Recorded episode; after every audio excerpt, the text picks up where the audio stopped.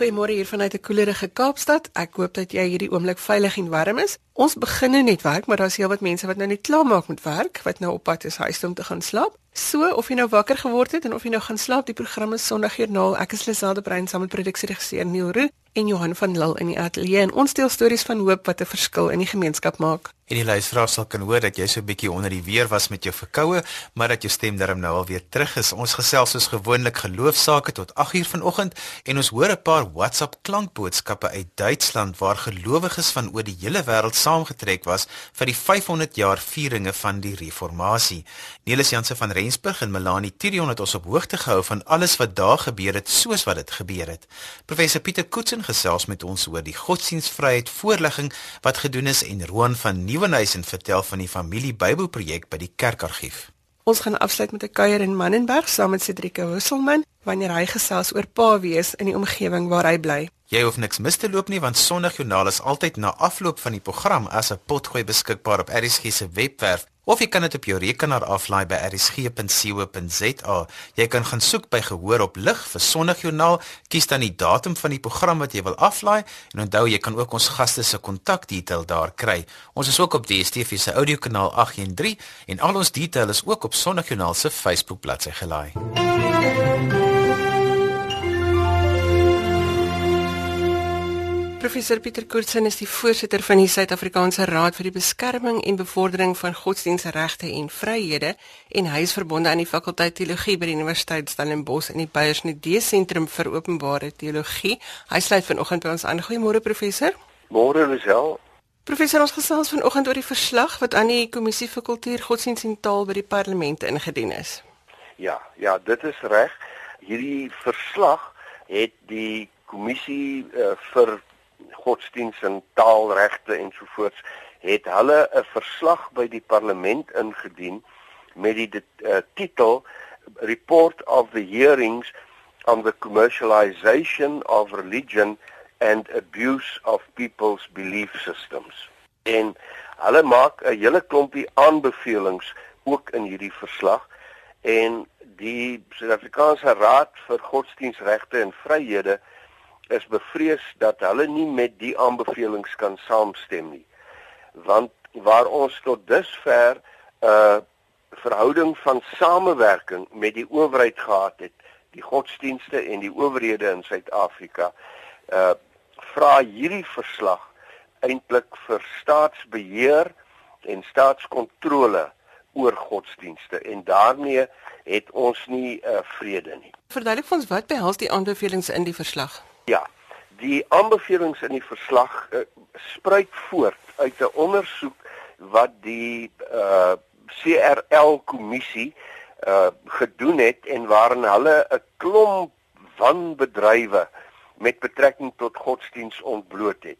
Ons het uh, in die afgelope maande kort kort oor die radio en die televisie gehoor van hoe dat daar sogenaamde profete of pastore is wat allerhande wanpraktyke beoefen. Hulle laat mense petrol drink, hulle laat mense gras eet, hulle laat mense slange eet, al daai soort van goed. Uh en uh in die lig van daardie ondersoek sê hulle dan nou hoofsaaklik twee dinge. Godsdiens word gekommersialiseer en die geloofsstelsels van mense word as gevolg daarvan misbruik. En dan kom hulle en sê maar ons antwoorde op hierdie eh, kommersialisering van godsdiens en die misbruik van mense se geloofsstelsels is dat daar moet meer staatsbeheer en kontrole oor godsdiens uitgeoefen word. En dit behels onder andere dat hulle dan voorstel dat daar 'n bepaalde struktuur ingestel word waaraan alle godsdienste dan moet voldoen. En daai struktuur begin dan by die geloofspraktisyn op die onderste vlak. Dit word gevolg deur sentra van aanbidding wat tot stand moet kom. Dit word dan weer gevolg deur 'n sogenaamde sambreel organisasie waarby verskillende godsdienste moet inskakel en dan uiteindelik is daar 'n ewe knie evalueringskomitee wat dan uit 'n verslag kan opstel oor 'n godsdiens en dit word dan gerapporteer aan die voorsitter van die CRL kommissie die die staatsinstelling wat die beskerming en bevordering van godsdiens in Suid-Afrika moet hanteer. En hulle kan dan uh byvoorbeeld uh, uh, ja, laat ek net dit by sê dat 'n ander vereiste wat hulle stel is is dat alle godsdienste uh beoefenaars, instellings, uh alles moet geregistreer word by die CRL kommissie. En dan kan die voorsitter van die CRL kommissie uiteindelik besluit maar die registrasie van 'n bepaalde godsdiens word teruggetrek. Nou dit is nie 'n 'n verhouding van vriendskap en uh, samewerking tussen die staat en godsdienste nie, maar dit is een van beheer deur die staat oor die godsdienste. En ons meen dat daarmee word heeltemal wegbeweeg van die beginsel van godsdienstvryheid in Suid-Afrika. Professor, is hierdie goed enigsins uitvoerbaar? Wel, ek moet jou sê dat na my mening is baie van hulle aanbevelings baie vaag. Jy weet nie presies wat bedoel hulle nie. Maar die feit bly hulle wil dit in 'n wetgewing laat neerslag vind en alle godsdienste sal dan daaraan onderwerp wees. Uh, of hulle uh, byvoorbeeld die koste struktuur van hierdie hele ding in ag geneem het, dit weet ons nie dit ons dink dit gaan baie baie duur kos om hierdie uh, funksioneringsmodel waarmee hulle kom uh, in te stel in Suid-Afrika. So wat is nou die volgende stap? Wat is die reaksie van die Raad vir Godsdienstregte en Vryhede? Nou ons reaksie was om 'n verslag op te stel, 'n antwoord op te stel en aan die CRL kommissie voor te lê. Ons het 'n gesprek gehad met hulle die 26ste uh, Junie en hulle wil net voortgaan met hulle verslag. En dit is toe inderdaad op die 27ste Junie ingedien by die portefeulje komitee wat met godsdienstige sake handel. En die uiteindelik gelukkig het die voorsitter van hierdie komitee gesê nee, maar daar moet nog meer gepraat word oor hierdie verslag en daarom het hy gereël dat die portefeulje komitee weer in Augustus 'n gesprek sal hê. Nou, hulle wou hierdie verslag stoomroller en hom uh, voor die parlement op die tafel kry. Nou het ons 'n geleentheid om hulle te ontmoet. Ons stuur ons besware in. Ons wil 'n uh, ontmoeting met die voorsitter van die portefeulje komitee reël en kyk of ons nie hierdie verslag gestop kan kry nie. En ons wil dan ook sommer met hierdie gesprek 'n beroep doen op alle kerke en godsdienste om hulle besware teen die verslag in te stuur sodat hulle uh, kan kennis neem van hoe onaanvaarbaar hierdie verslag by die godsdienstige gemeenskappe van Suid-Afrika is. Kan ek net sê dat mense wat belangstel om die verslag te sien kan dit kry op die webblad van die CRL kommissie en dit is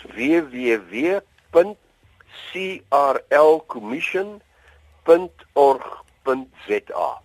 En uh, ons sal mense aanmoedig om hulle besware in te stuur en ons sal dan persoonlik ook in Augustus as 'n uh, uh, raad vir die bevordering en en van godsdienstvryheid en regte uh, die sitting van die portefeulje komitee bywoon om ons besware daar te lig.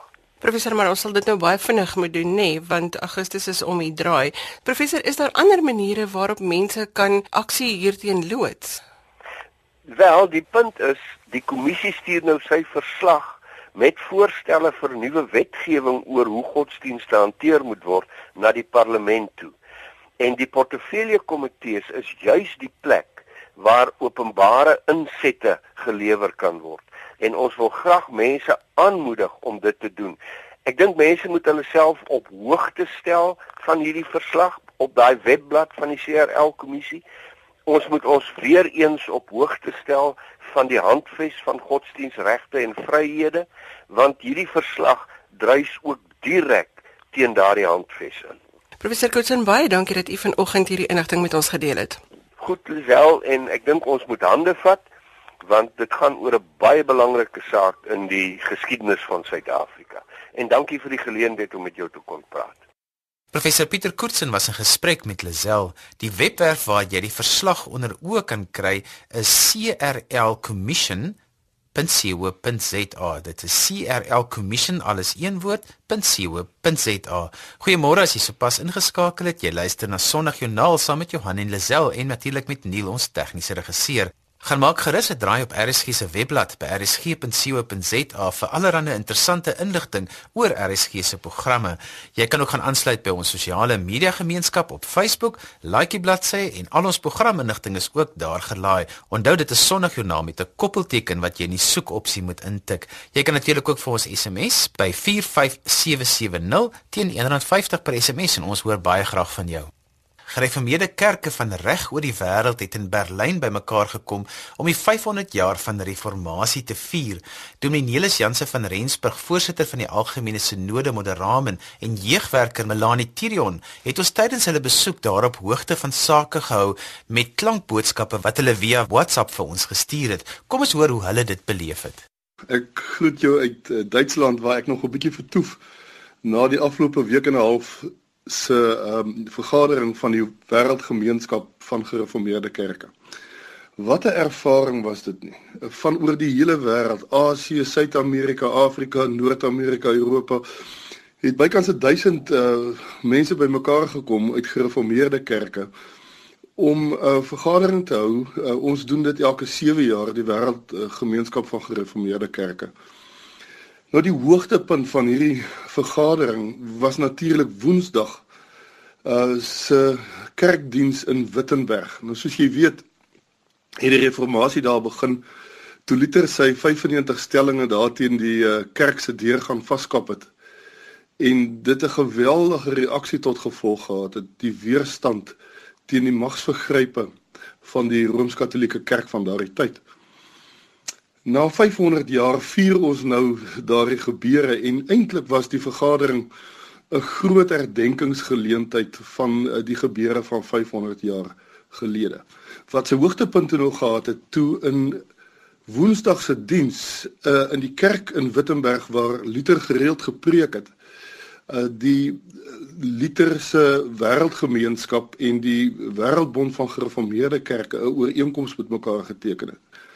Ehm um, wat eintlik sê dat ons baie naby aan mekaar is, dat daar geen teologiese redes is van substansie waarom ons nie ehm um, een behoort te wees nie. En die ondertekening van die dokument begin 'n nuwe proses waarin die gereformeerde luterane met nuwe toewyding gaan begin werk aan die verbondenheid tussen die twee tradisies en die werk na na 'n dieper eenheid toe sodat ons uiteindelik volle eenheid kan realiseer. Nou dit is monumentaal dat dit gebeur het. Ehm um, die tweede ding wat daarmee saamgeval het wat absoluut histories belangrik is is dat daar tussen vier tradisies, naamlik die gereformeerde uh en die Lutherse tradisie, die metodiste en ook die rooms-katolieke kerk 'n ooreenkoms geteken is wat eintlik 'n bevestiging is dat ons met mekaar ooreenstem oor die leer van regverdiging. Nou die leer van regverdiging is eh, gaan daaroor hoe word 'n mens gered? Uh, hoe bekom jy die ewige lewe? En die twee solas van die reformatie waarop die leer van regverdiging staan, naamlik alleen genade en alleen geloof, is deur al vier hierdie tradisies in 'n uh, bewoording saamgevat waaroor ons absoluut ooreenstem. So na 500 jaar waarin die kerke geweldig in hierdie tradisies uh, in groot konflik was met mekaar by tye oor hierdie aangeleentheid.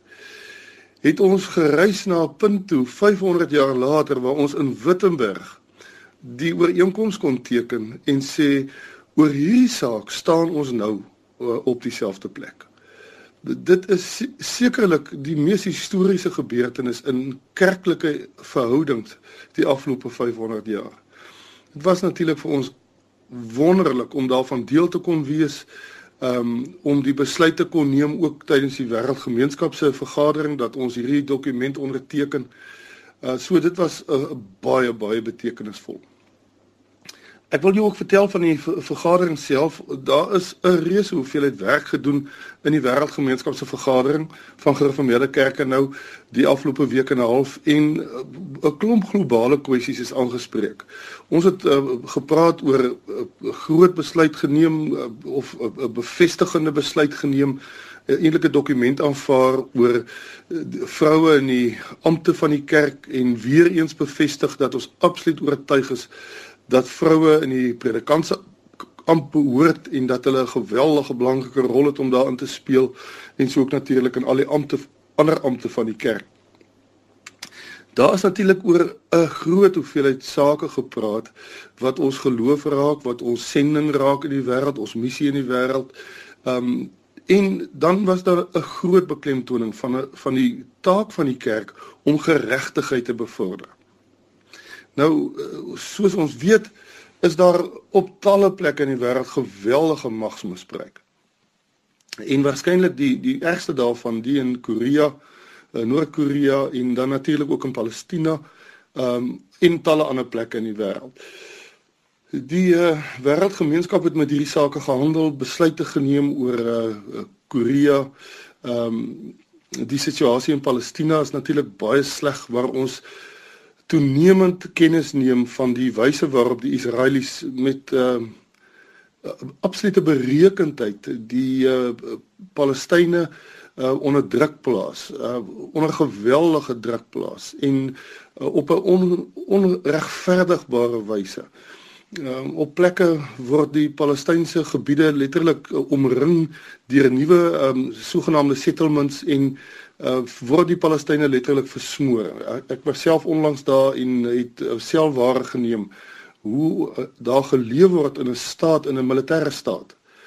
Nou ons in Suid-Afrika ken dit, ons het in die tyd uh, van ehm um, apartheid het ons self dit beleef ehm um, militêre regering ehm um, by tye uh, in die noodtoestande en daai situasie duur nou vir 50 jaar daar. So daaroor is besluit uh, die kerk staan op uh, geregtigheid vir almal die Christene en dis veral met in verhouding met die Christene daar waar die kerk opgetree het uh, die wêreldgemeenskap uh, die Christene in Palestina kry ons saglik swaar um, en en ons het ons solidariteit met hulle ook uh, in ons besluite uh, uh, op die tafel gehad. Uh, daar is oor talle ander kwessies gepraat, um, uh, oorlog, konflik, magsmisbruik, uh, onreg die sogenaamde human trafficking die hele ding oor ehm um, uh, vlugtelinge die ding oor kinders wat uh, mishandel word en verkoop word. Ehm um, en natuurlik dan nou soos ek reeds gesê het oor ons eie getuienis in die wêreld ehm um, binne hierdie uh, situasie van onreg en krisis het die kerk 'n geweldige getuienis om te lewer. En ehm um, het ons onsself opnuut verbind om op talle plekke hierdie rol te speel. Vir ons eie verhoudinge met ons uh, medekerke in Suider-Afrika, ons medegereformeerde kerke wat terloops een van die grootste blokke is. Um in in die groter wêreldgemeenskap, die Suider-Afrikaanse gemeenskap uh, van uh, gereformeerde kerke. Het ons natuurlik wonderlike verhoudings uh, gebou verder en versterk met ons kollegas uh, in Afrika. So 'n uh, uiters vrugbare geleentheid waaroor ons uh, later meer inligting in ons kerke um, in Suid-Afrika sal versprei.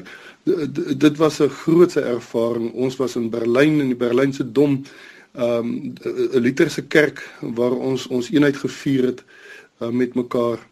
Uh, ek kan maar net getuig dat uh, die hele ervaring 'n grootse ervaring was van verbondenheid aan mekaar oor alle grense heen. Ehm um, ek ek sal die ervaring vir niks verruil nie. Ek staan nou hierso in die konferensiesentrum waar ons vanoggend ons afsluiting het van die World Communion of Reformed Churches uh, General Council. Ons was nou vir 2 weke saam en ons het um, regtig hier mense van oor die hele hele wêreld. Hier is mense uit elke kontinent en plek waaraan jy kan dink. Hier is verskillende tale wat gebruik word. Ons het na omtrent 15, 16 verskillende tale alreeds geluister en in verskillende tale die Here aanbid, saam met mekaar gesing. Um ons het aanvanklik het ek en Elise Morkel die Women's Pre-Council bygewoon wat ons tema was God in a world of violence transform and renew us. Ons teksgedeelte wat ons die afgelope 2 weke mee gewerk het is Romeine 12 vers 1 tot 2 wat ons saam gedink het, saam gebid het. Um saam besin het oor hoe die Here wil hê die gereformeerde kerke in die hele wêreld moet 'n nuwe reformatie lei. Ons het eh, geluister na verskillende stemme uit verskillende kontinente, verskillende stories van onderdrukking, stories van wanhoop, stories van absolute aardige geweld veral teen vrouens en kinders en mense met verskillende seksualiteite. Ag ja, en ons het um regtig waar die Here se wil gesoek in in Bybelstudiegroepe en um discernmentgroepe. Om die tafels het ons gesels oor die temas wat ons hanteer het en um, regtig in 'n onderskeidingsproses ingegaan om te kyk weet voorstelle wat mense kan maak, um, gedagtes, um, netwerke, hoe ons mekaar kan bystaan en help, maar ook hoe ons leiding kan gee in ons omgewings, hoe ons ehm um, dit wat die reformatie 500 jaar terug begin het verder kan neem. Ons het vriende gemaak reg oor die wêreld, netwerke gebou. Iets van die die gemeenskaplikheid om die nagmaaltafel beleef en ook in ons interaksie elke dag met mekaar. Een ding wat my regtig bygeval het was die absolute diversiteit van die wêreld. Die kreatiwiteit waarmee die Here ons elkeen geskaap het, uh, elke volk, elke nasie, elke taal uh, en hoe daar ook tog 'n uh, gemeenskaplike draad deur ons almal loop van die Here se liefde en die Here se genade.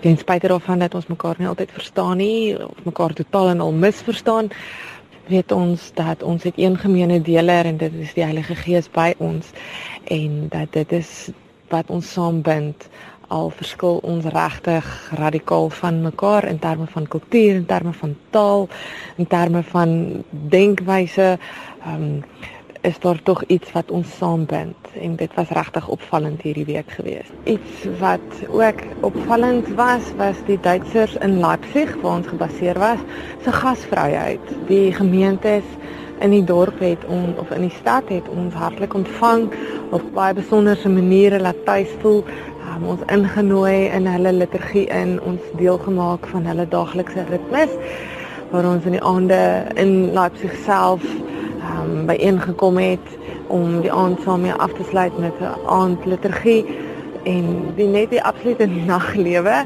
in Leipzig self dit word baie laat donker hierso en um, as ons klaar was half 11 in die nag met ons aand liturgie, dan het mense eers bietjie buite gaan sit en gaan koffie drink of 'n lekker bier gaan drink en net die naglewe en die samelewing ook hier in Duitsland ervaar.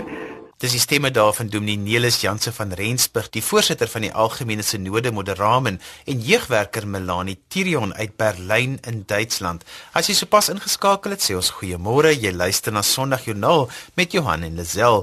Ons volgende gas is Roan van Nieuwenhuizen en hy het by die kerkargief vir Lisel meer van die familie Bybelprojek vertel. Roan van Nieuwenhuizen is 'n finale jaar teologie student aan die Universiteit van Stellenbosch en ons gesels so 'n bietjie vanoggend oor wat is verskuil in jou Bybel. Goeiemôre Roan. Goeiemôre. Kan jy vir ons meer vertel van die ontstaan van die Familie Bybelprojek? Die Familie Bybelprojek het hierdie jaar ontstaan. Ons het geruime tyd terug besef dat daar vreeslik baie Bybels in die argief is wat nog nie ontsluit is nie, wat ons nog nie regtig weet wat daar aangaan nie. En toe besef ons dat ook in hierdie Bybel is Bybels is al baie geskiedenis. Ehm um, en dat ons hierdie moet ontsluit. En so het 'n buitelandse persoon toe ingekoop om ons te befonds. So ons is besig om nou al hierdie Bybels te ontsluit en te sien wat daar aangaan. Waar kom die familie Bybels vandaan? Is dit skenkings? Meeste van hulle is skenkings deur of individue of deur gemeentes wat dit bloot vir ons gestuur het. Jy het nou gepraat van die ontsluiting van die geskiedenis in hierdie Bybel. Hoe doen julle dit? Daar word op 3 na 4 verskillende maniere die Bybels ontsluit. Dit is eerstens al die tegniese goed, die opskrif, die naam, die taal waarin dit geskryf is, die datum, die uitgewer Ehm um, al die tegniese goeders, dan tweedens kyk ons na die kondisie van die Bybel of dit gerestoreer moet word, ehm um, of ons iets daaraan moet doen of ons nog kan werk daarmee of nie. En dan derdens kyk ons na al die stories in die Bybel, die geskiedenis, daar enigiets interessant is wat uitkom. En dan laastens digitaliseer ons dit ook om dit beskikbaar te maak vir mense daar buite sodat ons dit ook kan verder gebruik. Ons staan nou hier by een of twee van die Bybels. Wat is hulle geskiedenis? Daar's verskillende geskiedenis. Ek het hierdie twee Bybels spesifiek saamgebring om te wys wat se tipe geskiedenis 'n mens kan kry. Die eerste ene het klomp interessanthede in. Daar is briewe wat geskryf is van 'n dogter aan haar ouma en aan haar ma. Ehm um, dit is los goedjies wat in die Bybel gevind word. Dit is goed wat ons nooit sou van geweet het nie. Die ander ene het 'n uh, hele familiegeskiedenis. Nou dit is dit is twee families. Die een is die die Elof familie met al 12 na 13 kinders en die tweede een is die Snyman familie wat ook 14 kinders het. En al die inligting is ook hierso te vind. Die spesifieke Bybel het baie interessante amper prentjies wat ingeteken is. Dit is maar versiering van die Bybel, dit is 'n manier om dit mooi te maak. Dit is ook hoekom ons dit digitaliseer sodat ons dit ook kan vasvang om vir mense te wys. So dis 'n baie persoonlike ervaring om nogal in hierdie Bybels rond te krap. Ja, dit is omtrent. Dit voel of ek uh, terugreis in die geskiedenis saam met die mense van wie se Bybels dit was. Ek het al soveel interessanthede gevind, stories van mense. Um, ek het laasweek op 'n foto afgekom waar twee moeders by mekaar sit en hulle kinders speel net met mekaar. Ons weet nie wie dit is nie, um, maar ons wil graag ook meer uitvind daarvan. Die Bybel wat jy gekry het van die dogter wat vir haar ma die briewe geskryf het, is dit meestal positiewe goed? Ja, in daai spesifieke Bybel is dit positiewe goed. Dit is 'n gelukwensing met 'n verjaarsdag ensovoorts, maar ek het al op baie um, begrafnis stories afgekom, um koerantartikels van mense wat oorlede is en so aan. So dit dit is ook baie emosioneel meeste van die kere.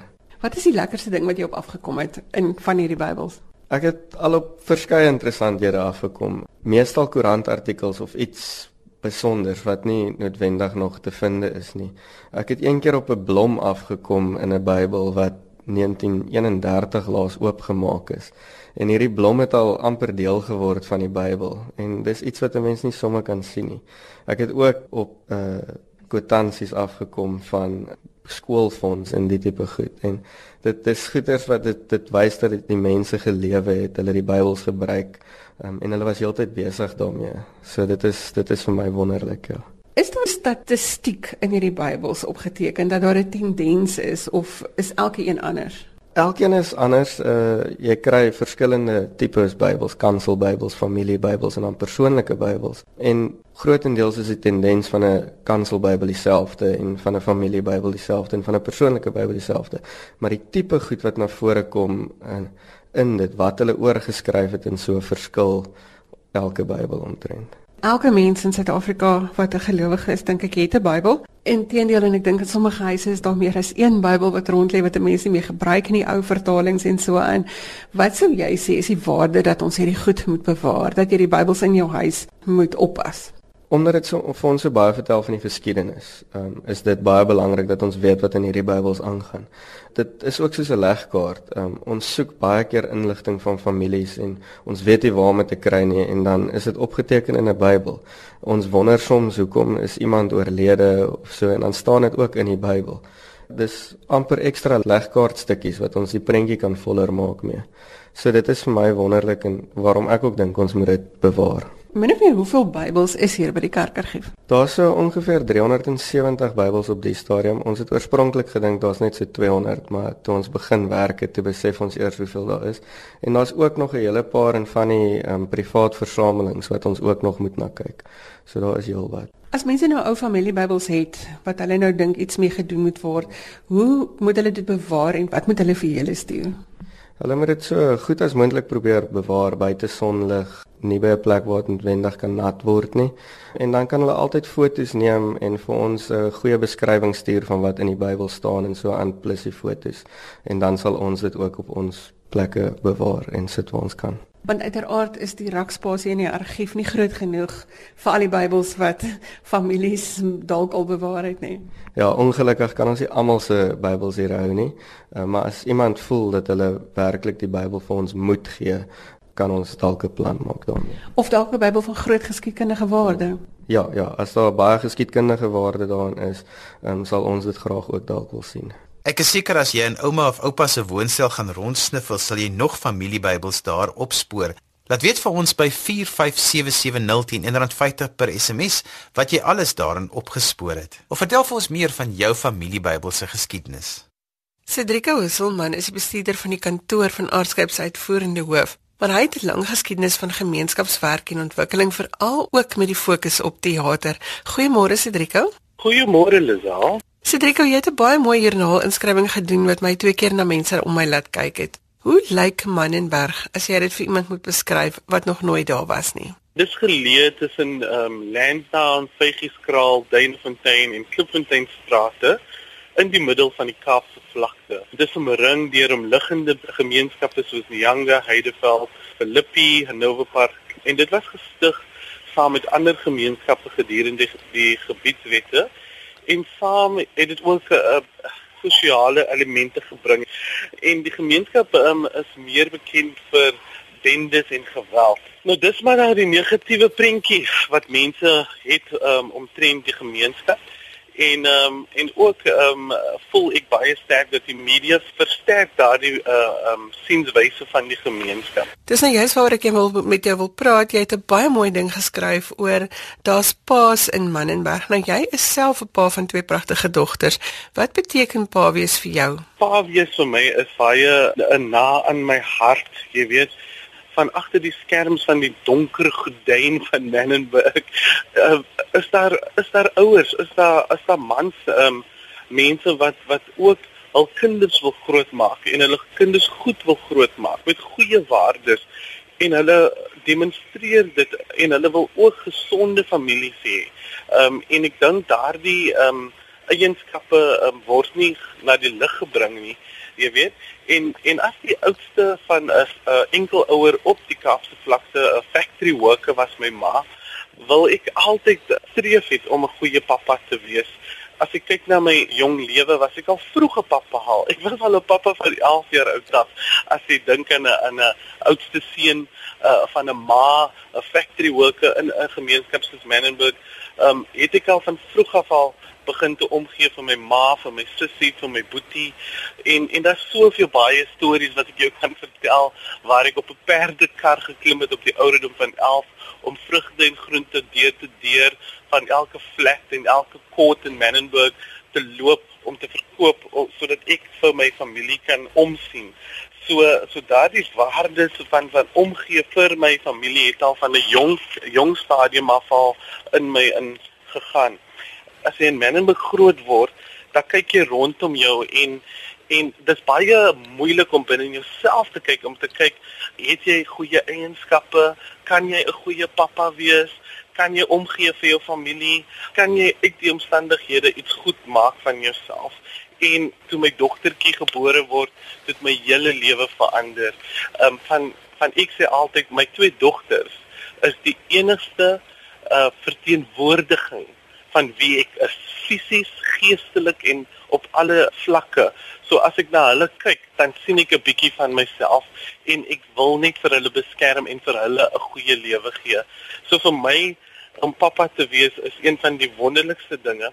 En nou die dag wat ek in Menenberg in die rondte loop um, om foto's te neem vir 'n boek wat ek besig is om klaar te maak, sien ek toe hierdie pappa, 'n jong pappa wat loop met sy twee dogtertjies en my hart was so gelukkig om vir hulle te sien. En ek raak nou 'n bietjie emosioneel van Menenberg lê in my hart is, in my middelpunt van my hart. Jy weet die gemeenskap waar ek groot geword het. En ek probeer altyd om die goeie dinge uit Menenberg uit na vore te bring. En soos hierdie pappa nou stap met sy kinders na soos ons koel die stoltjie waar ons nou vrugte en groente koop of die uh, 'n mobile shop ehm um, waar ons nou chips en lekkers en so aan so aan koop. Stap hierdie pappa op 'n Saterdagoggend en hy koop vir hulle vrugte en groen, groente en hy koop vir hulle uh um, skyfies en hulle staan daar en die die die die prentjie wat vir my so mooi is, so hierdie jong dogtertjie wat 'n pappa se hand vashou opkyk na hom toe met soveel liefde in haar oë, wys dit vir my daar is um ouens in Menenberg wat nie gewelddadig is nie, wat nie hulle familie seermaak nie, wat nie in bendes betrokke is nie, maar wat strewe om 'n goeie goeie familie te bou vir hulle um kinders. Strika, kom ons praat oor geloof. Wat is jou ervaring van hoop en geloof in Menenberg? Daar's twee aspekte wat vir my baie raak. Ehm um, nou as jy opgroei in 'n gemeenskap in in 'n 'n enkel ouer ehm um, huis dan ehm um, soek jy wel ehm um, ouer figure, uh, vaderfigure of moederfigure om vir jou te inspireer soos jy opgroei in die gemeenskap.